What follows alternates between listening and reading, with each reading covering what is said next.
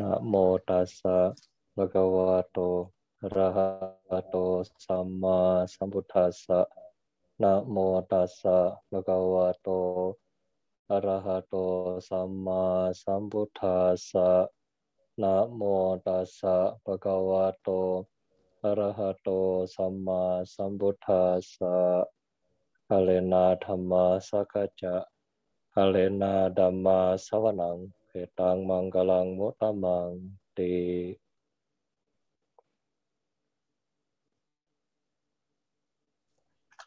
yang saya muliakan di Sangga, Bante Kosalo, Bante Dipadar, dan Bante Wira, Bapak Ibu, Romo Ramani, Pasakau Pasika, selamat malam, Sugihoto, Namo Buddhaya.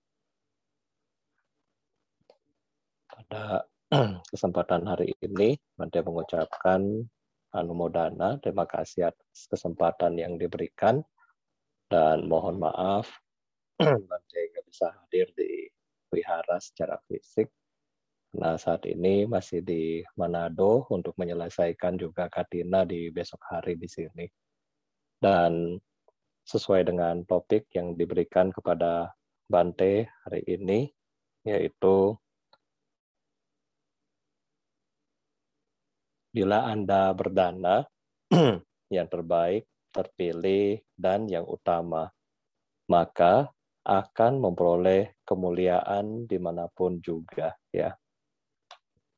Jadi Bapak Ibu dan saudara-saudari sedama, kemarin Bante sempat membaca sebuah kisah yang Bante rasa cocok dengan topik pada malam hari ini, yaitu ketika mungkin Bapak Ibu masih ingat ketika itu Sang Buddha melarang ya, melarang para biku untuk mempertunjukkan kesaktian ya. Karena melarang para biku untuk menunjukkan kesaktian, lantas para brahmana mereka kemudian berkumpul untuk merencanakan suatu permusyawaratan ya yaitu untuk melakukan uh, mencelah Buddha. Setelah Buddha sendiri menampakkan keajaiban ganda di Sawati di atas pohon mangga yang ditanam oleh Kanda, lantas para dewa, manusia dan Brahma semua berkumpul di sana. Sebelum musim puasa ini terjadi, dan banyak sekali makhluk yang mencapai pencerahan di sana Bapak Ibu. Ya, banyak yang bisa juga melihat para brahma, para dewa, ya, manusia biasa seperti kita juga bisa melihat mereka semua dan manusia biasa seperti kita juga bisa melihat peta asura, ya, alam-alam neraka, alam-alam dewa. Jadi waktu itu semua makhluk, uh, semua manusia memiliki kesempatan untuk menjadi indigo ya walaupun hanya sehari. Nah, setelah dari sini kemudian Sang Buddha menuju ke surga Tawatimsa untuk mengajarkan dhamma kepada ibunya ya. Jadi semua melihat bahwa Sang Buddha hanya melangkahkan dua kaki dan langsung beliau tiba di alam surga. Di alam surga Tawatimsa juga Saka Dewa Indra. Ia memberikan suatu tempat duduk yang sangat megah ya terbuat dari batu dibilang di teks di batu jamrut ya yang sangat-sangat luar uh, biasa mahalnya untuk dipersembahkan kepada Sang Buddha untuk duduk di situ selama berwasa di surga Tawatimsa. Para dewa dari seluruh alam juga memberikan hormat kepada Sang Buddha di alam dewa ini. Dan kemudian datanglah dua dewa ya, dua dewa ini kemudian datang di sana. Yang pertama dewa yang pertama Ankura ya. Dewa Ankura datang kemudian memberikan hormat kepada Sang Buddha. Ya biasanya Bapak Ibu para dewa diceritakan mereka akan duduk di posisi sesuai dengan kemuliaan mereka sesuai dengan kebajikan mereka mereka akan duduk di sana ya.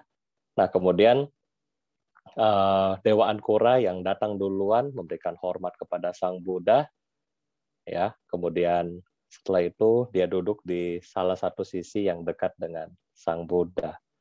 Nah berikutnya datang dewa yang lain bernama Indaka ya dewa Indaka juga datang bersujud kepada sang Buddha dan kemudian juga duduk di salah satu sisinya.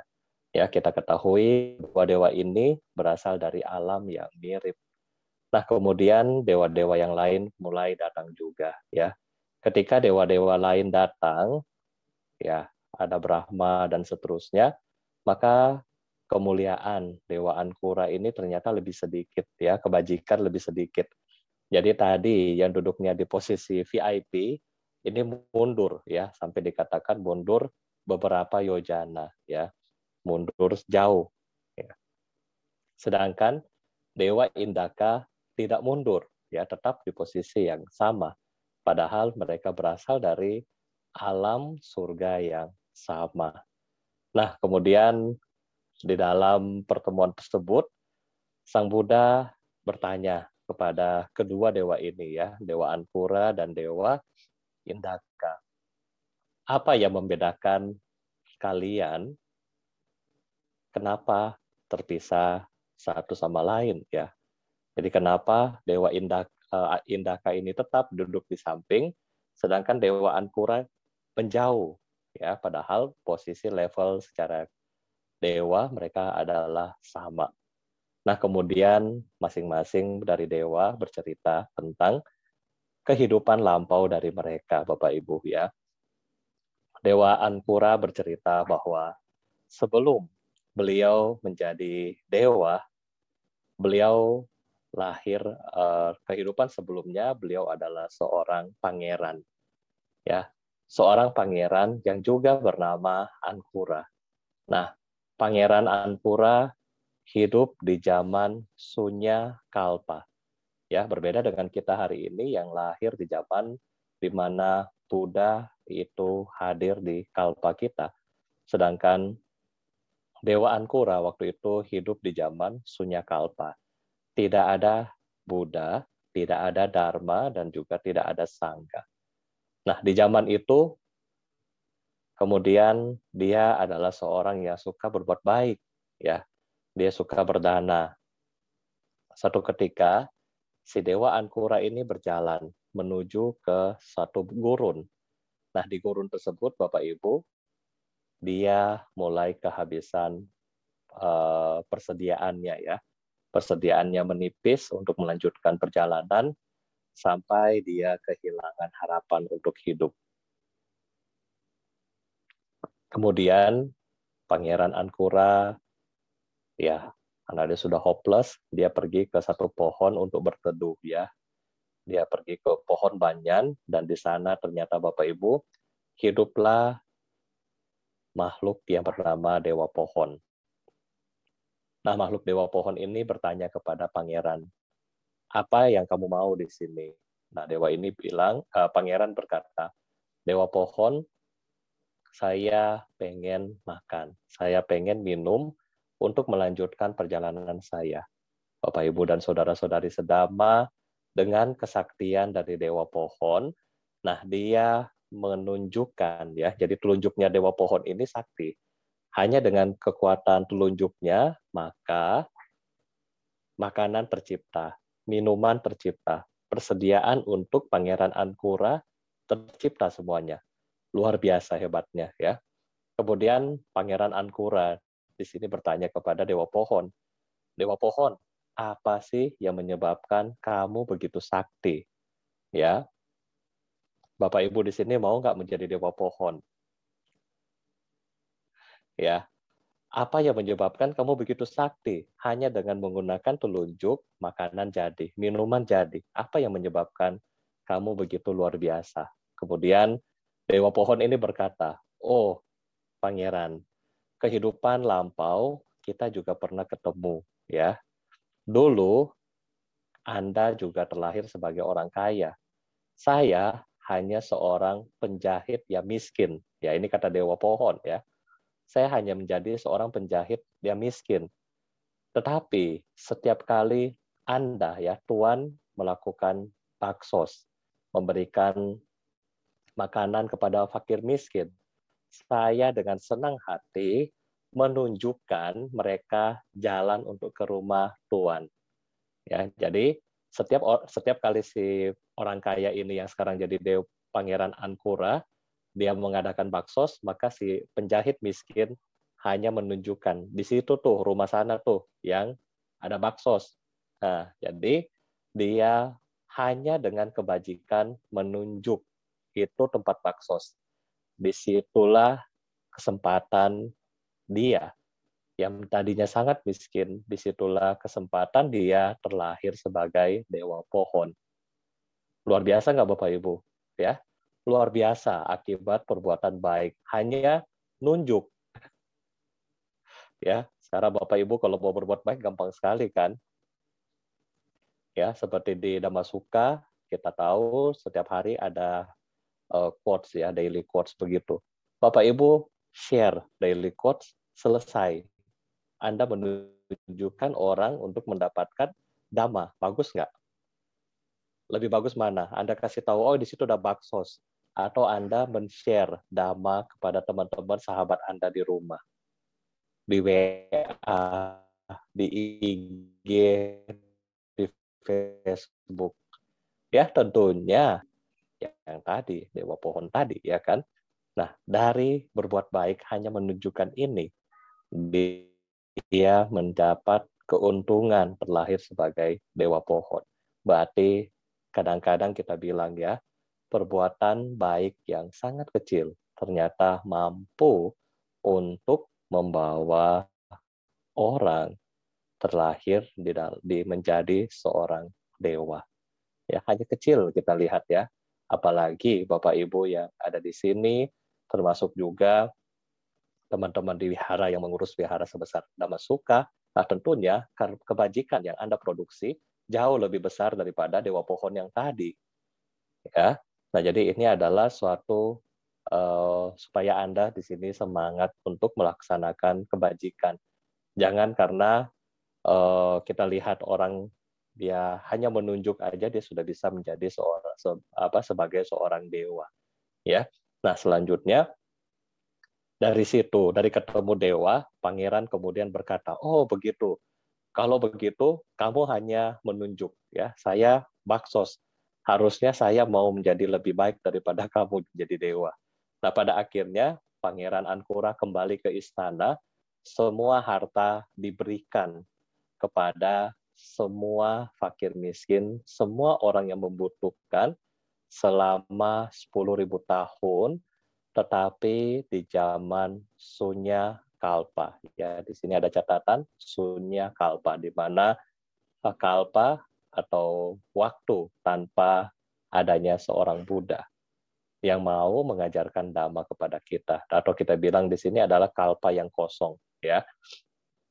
Ketika uh, berdana sebanyak 10.000 tahun kepada begitu banyak orang karena karma baik itulah beliau terlahir di alam surga. Nah, ini cerita dari Dewa Ankura. Kemudian Dewa Indaka, ya Dewa Indaka. Ditanyakan oleh Sang Buddha, kenapa kamu di sini bisa menjadi seorang dewa ya yang tidak digeser oleh dewa-dewa yang lain secara posisinya. Kemudian Dewa Indaka bercerita, di masa lalu ya, saya hidup sebagai orang yang miskin. Seorang pemuda yang miskin. Saya tidak punya apa-apa pun. Tetapi waktu seorang pertapa lewat, ya, seorang pertapa yang mulia Bante Anuru Datera yang sudah mencapai kesucian lewat di depan rumah, dia kemudian bertekad untuk memberikan nasi ya karena dia miskin dia gak punya banyak nasi dia berdana dengan sukacita yaitu hanya berdana satu um, sendok nasi kepada yang mulia Bante Anuruddha.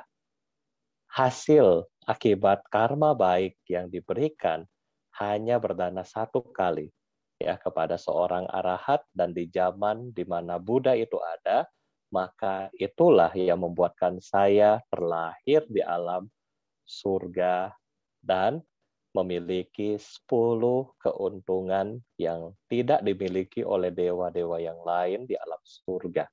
Nah, jadi Bapak, Ibu, dan Saudara-saudari sedama, dari cerita di atas, kita mengambil beberapa kesimpulan. Antara lain adalah kita melihat perbedaan di zaman Sunya Kalpa dan di zaman di mana Buddha itu ada. Ya, kita melihat di zaman kenapa di zaman Sunya Kalpa karma baik yang dihasilkan oleh Dewa Ankura yang begitu banyak tetapi kenapa hanya sedikit manfaatnya?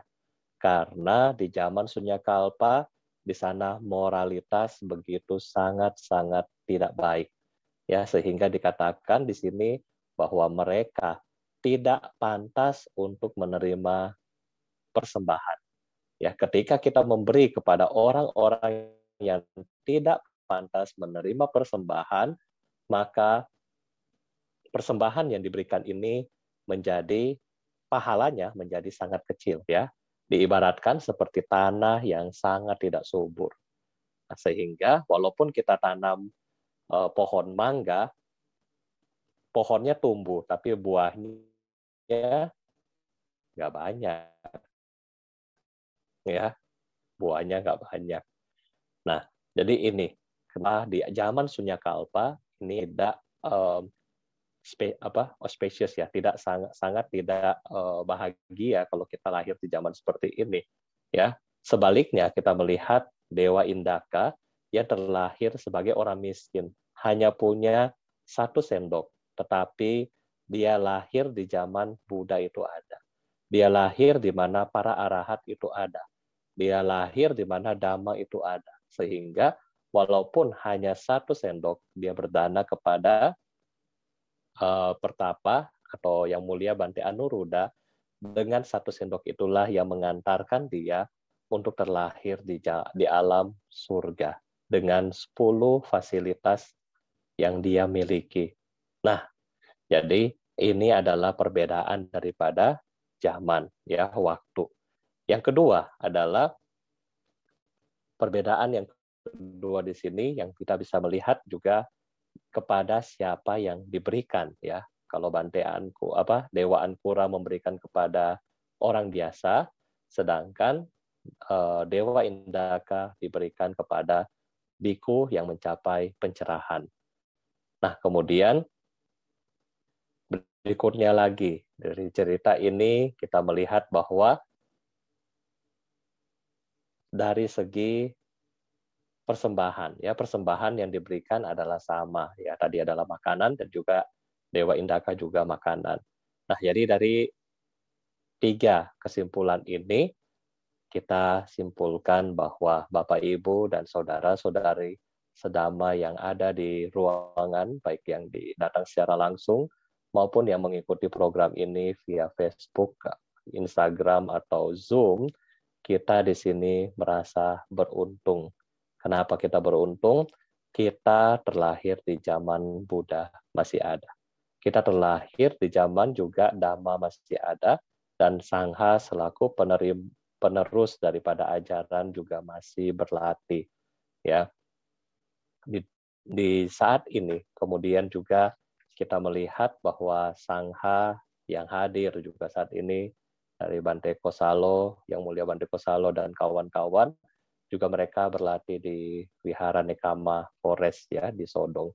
Di sana mereka sedang membangun tempat juga buat latihan yang nantinya berfungsi kalau Bapak Ibu mau latihan bisa lari ya, bisa istirahat sejenak di tempat beliau di sana. Nah, jadi kebajikan-kebajikan yang diteruskan oleh Sangha sampai pada hari inilah yang menjadi kesempatan bagi Bapak, Ibu, dan saudara-saudari sedama untuk menanam kebajikan. Ya. Kenapa sangha itu perlu? Karena setelah Sang Buddha berdiskusi dengan eh, Dewa Indaka dan Dewa Anpura, Sang Buddha memberikan empat perumpamaan ya, yaitu perumpamaan ketika seseorang ya memiliki benih. Ya, benih ini adalah calon karma baik yang dibuat oleh Bapak Ibu selaku pelaku perbuatan baik ya. Jadi misalnya di sini ada Oma Ewa yang mau berbuat baik maka Anda punya benih. Nah, benih ini kemudian diapain, Bade? Ditanam. Nah, ditanam di mana? Di tempat yang subur atau tidak subur. Ya, kalau ditanam di tempat yang subur, ini mesti bagaimana? Nah, Buddha memberikan empat ya, empat kriteria. Yang pertama adalah kriteria yang pertama adalah tanah yang subur itu adalah mereka yang sudah ya membebaskan diri mereka dari moha. Yang kedua, mereka yang berusaha melepaskan yang sudah membebaskan diri mereka dari dosa atau kebencian. Yang ketiga, mereka yang telah membebaskan diri mereka dari loba atau keserakahan. Dan yang keempat, mereka yang telah berusaha untuk menghindari ya dari uh, kemelekatan kemelekatan indria lima indria. Nah jadi empat poin ini yang dikatakan oleh sang Buddha untuk menjadi lahan yang subur bagi Anda untuk menanam kebajikan. Dan sangha yang ada saat ini memang ya kita belum membersihkan diri kita daripada do moha ya belum ya belum juga dari dosa belum juga dari uh, loba keserakahan tetapi sementara di berproses ya sehingga dikatakan inilah yang menjadi um, kesempatan bagi Bapak Ibu untuk tetap bisa menanam kebajikan kepada biku sangga. Ya, dan di dalam katina dana pada tahun ini, Anda juga bisa uh, selain berdana, eh, Bapak Ibu juga bisa berdana yang lebih tinggi. Apa yang lebih tinggi? Tadi Anda sudah berdana yang lebih tinggi, yaitu Anda berusaha melaksanakan sila. Nah, itu juga dana yang lebih baik, ya, lebih tinggi daripada anda berdana hal-hal yang lain. Karena melatih diri adalah penghormatan kita yang paling baik kepada Buddha Dharma. Nah, saat ini kita sudah belajar bagaimana tanahnya ya, kriteria dari tanah yang harus kita tanami. Nah, sekarang Bante juga akan mengajarkan bagaimana bibit yang harus dipersiapkan sehingga bibit yang dipersiapkan ini juga dapat bertumbuh dengan baik dan dengan sempurna. Ada tiga kriteria di dalam Anggutara Nikaya, yaitu sebelum Bapak Ibu berbuat baik dalam hal ini, sebelum Anda berdana, Anda sudah merasakan suatu kebahagiaan. Ya, jadi Anda sudah merasakan suatu kebahagiaan. Hari ini saya bahagia karena saya punya semua kondisi yang baik untuk mendukung saya berbuat baik kepada Sangha. Ini adalah suatu motivasi yang baik. Dan semoga dengan motivasi ini, saya mampu untuk mencapai kesucian di masa mendatang. Ini motivasi yang baik. Ya, jadi sebelum Anda memberi, Anda sudah berbahagia Ya, jadi jangan balik doanya Bante ya. Oh, hari ini saya mau berdana katina. Para biku sangha sudah berlatih diri dengan sangat luar biasa.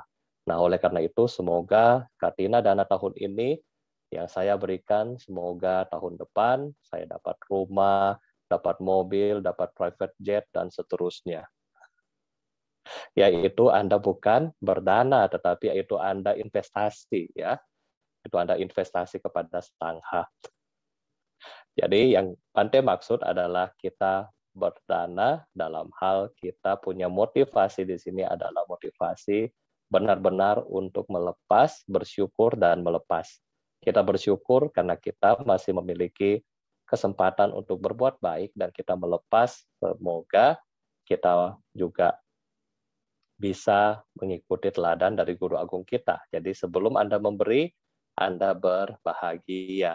Yang kedua, saat Anda memberi, Anda juga berbahagia ya ketika nanti panitia akan mewakili kita, eh, mewakili Bapak Ibu di rumah untuk memberikan persembahan-persembahan Bapak Ibu kepada Sangha, Anda bahagia. Semoga Sangha menerima persembahan saya dan digunakan sebaik-baiknya. Bahagia.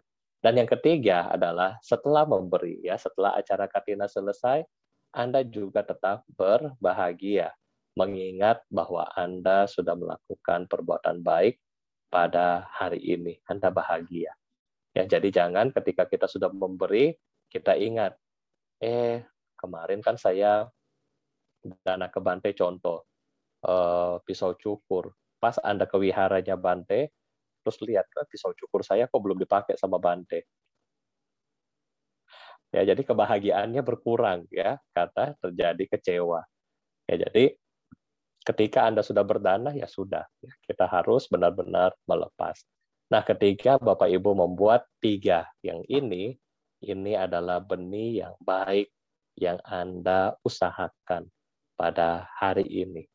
Dan ketika Bapak Ibu menanam kepada sangha, ya nanti dari panitia tentunya mereka akan koordinasi dengan semua sangha untuk dibantu diserahkan persembahan Anda. Tentunya ini semua akan membawakan lahan yang baik. Ya, semoga lahan yang baik, semoga lahan yang subur, dan semoga benih yang ditanam di tanah yang subur ini mampu untuk menciptakan pohon kebahagiaan bagi Bapak Ibu, keluarga kita yang telah meninggal, keluarga kita yang jauh maupun dekat, dan semua makhluk yang sedang menderita. Semoga dengan kebajikan ini mereka berbahagia. Jadi itu harapan kita semua di dalam Katina perayaan uh, Sang Hadana di bulan Katina pada tahun ini. Ya, mungkin ini yang bisa Bante sampaikan. Semoga semuanya dalam keadaan yang sehat, bahagia, dan apa yang Anda cita-citakan dapat terkabul, dan semoga dengan kebajikan ini juga menjadi sebab untuk tercapainya kesempurnaan tertinggi Nibbana di masa mendatang. Sabe sata bawantu sukitata, semoga semua makhluk hidup berbahagia. Sadu, sadu, sadu.